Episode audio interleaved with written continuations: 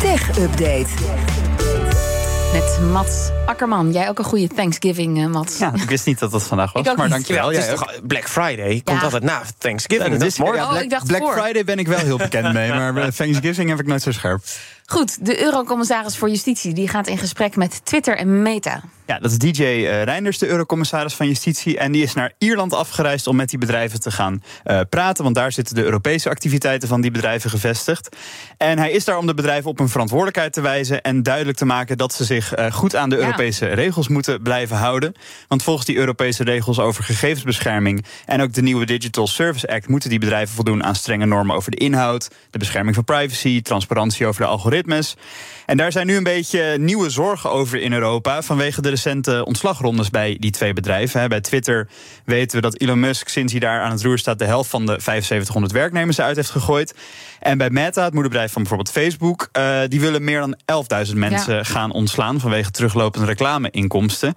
Nou, de vrees in Europa is dat al die ontslagen ervoor zorgen dat dat ten koste gaat van het handhaven van al die controles die er moeten zijn en de gegevensbescherming. En dus is hij nu langs om eigenlijk even te zeggen: jullie moeten wel echt hier eh, goed op blijven letten.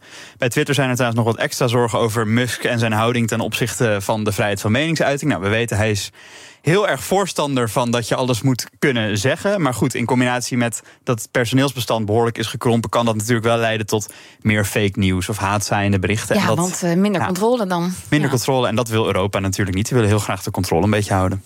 En dan was er ook nog een klein geruchtje over Meta-topman Mark Zuckerberg. Ja, dat geruchtje was van eergisteren van het platform The Leak, het lek. Nou, hoe toepasselijk. Eh, die meldde toen op basis van een anonieme bron dat Zuckerberg in 2023, dus volgend jaar, zou gaan opstappen. Nou, over zijn positie is sowieso veel te doen vanwege die tegenvallende inkomsten. En ook dat hij heel veel geld in het metaverse stopt, wat niet iedereen ziet zitten. En dit soort geruchten zijn er natuurlijk vaker, maar Meta voelde zich wel genoodzaakt om op deze te reageren, blijkbaar. Ze hebben via een woordvoerder laten weten. Niet waar. Maar goed, dat weet je dan natuurlijk ook niet. Of het dan ook echt niet Het is zo nog is. geen 2023. Precies, dus volgend jaar zien we het en dan zullen er zullen vast meer geruchten volgen tot die tijd. Maar je hebt meer geruchten. Ja, het wordt een beetje een soort roddelrubriek, maar net ook nog een nieuw gerucht, namelijk dat Apple Manchester United zou willen gaan kopen. Dat meldt in ieder geval de Daily Star, een grote Britse roddelkrant. Het was wel al bekend dat United te koop stond, maar wat Apple er precies mee zou willen, dat is onbekend. Maar volgens de Daily Star zou Apple 5,8 miljard pond over hebben voor de club. Dus dat is ongeveer 6,7 miljard euro, hoewel de waarde volgens mij met de dag afneemt.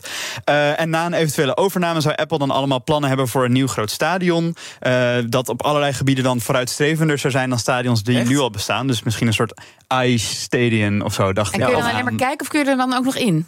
Ehm, dat is een goede alleen maar op vraag. een scherm. Wordt het gewoon één Waarschijnlijk groot kun je er alleen nog in als je alles van Apple hebt. Want Maar- maar dat is moet- meestal met Apple-producten Moet het dan natuurlijk. ook eh Rick ten Hag eh, worden, die dan het, eh het team Oh. traint? Ja, gele kaart. Ja, ja, gele kaart, ja, inderdaad. Gedisqualificeerd van het gesprek. Dan een nieuw succes in deze reeks. Oh, Mats. Ja. Nostalgie? Nostalgie, zeker voor mij in ieder geval wel. En ik denk voor best wel veel mensen, want het bestaat ook best wel lang. Klinkt inmiddels gelukkig een stuk beter, maar we luisteren natuurlijk naar eh, Pokémon. En de nieuwste games in de Pokémon succes eh, in de reeks hebben een groot succes te pakken. Het gaat namelijk om Pokémon Scarlet en Pokémon Violet. Nou, die zorgen voor verkooprecords voor Nintendo, want in de eerste week werden ruim 10 miljoen exemplaren wereldwijd verkocht. Behoorlijk wat, was voor Nintendo dus het beste ooit. En daarvan werden er 4 miljoen in thuisland Japan verkocht. En ook dat is een record. Dus ja, Pokémon, ondanks dat het inderdaad al heel lang bestaat, doet het het nog steeds heel goed. Want ter vergelijking, Sony's laatste succesvolle game, eh, de laatste God of War, verkocht in de eerste week 5 miljoen, dus de helft.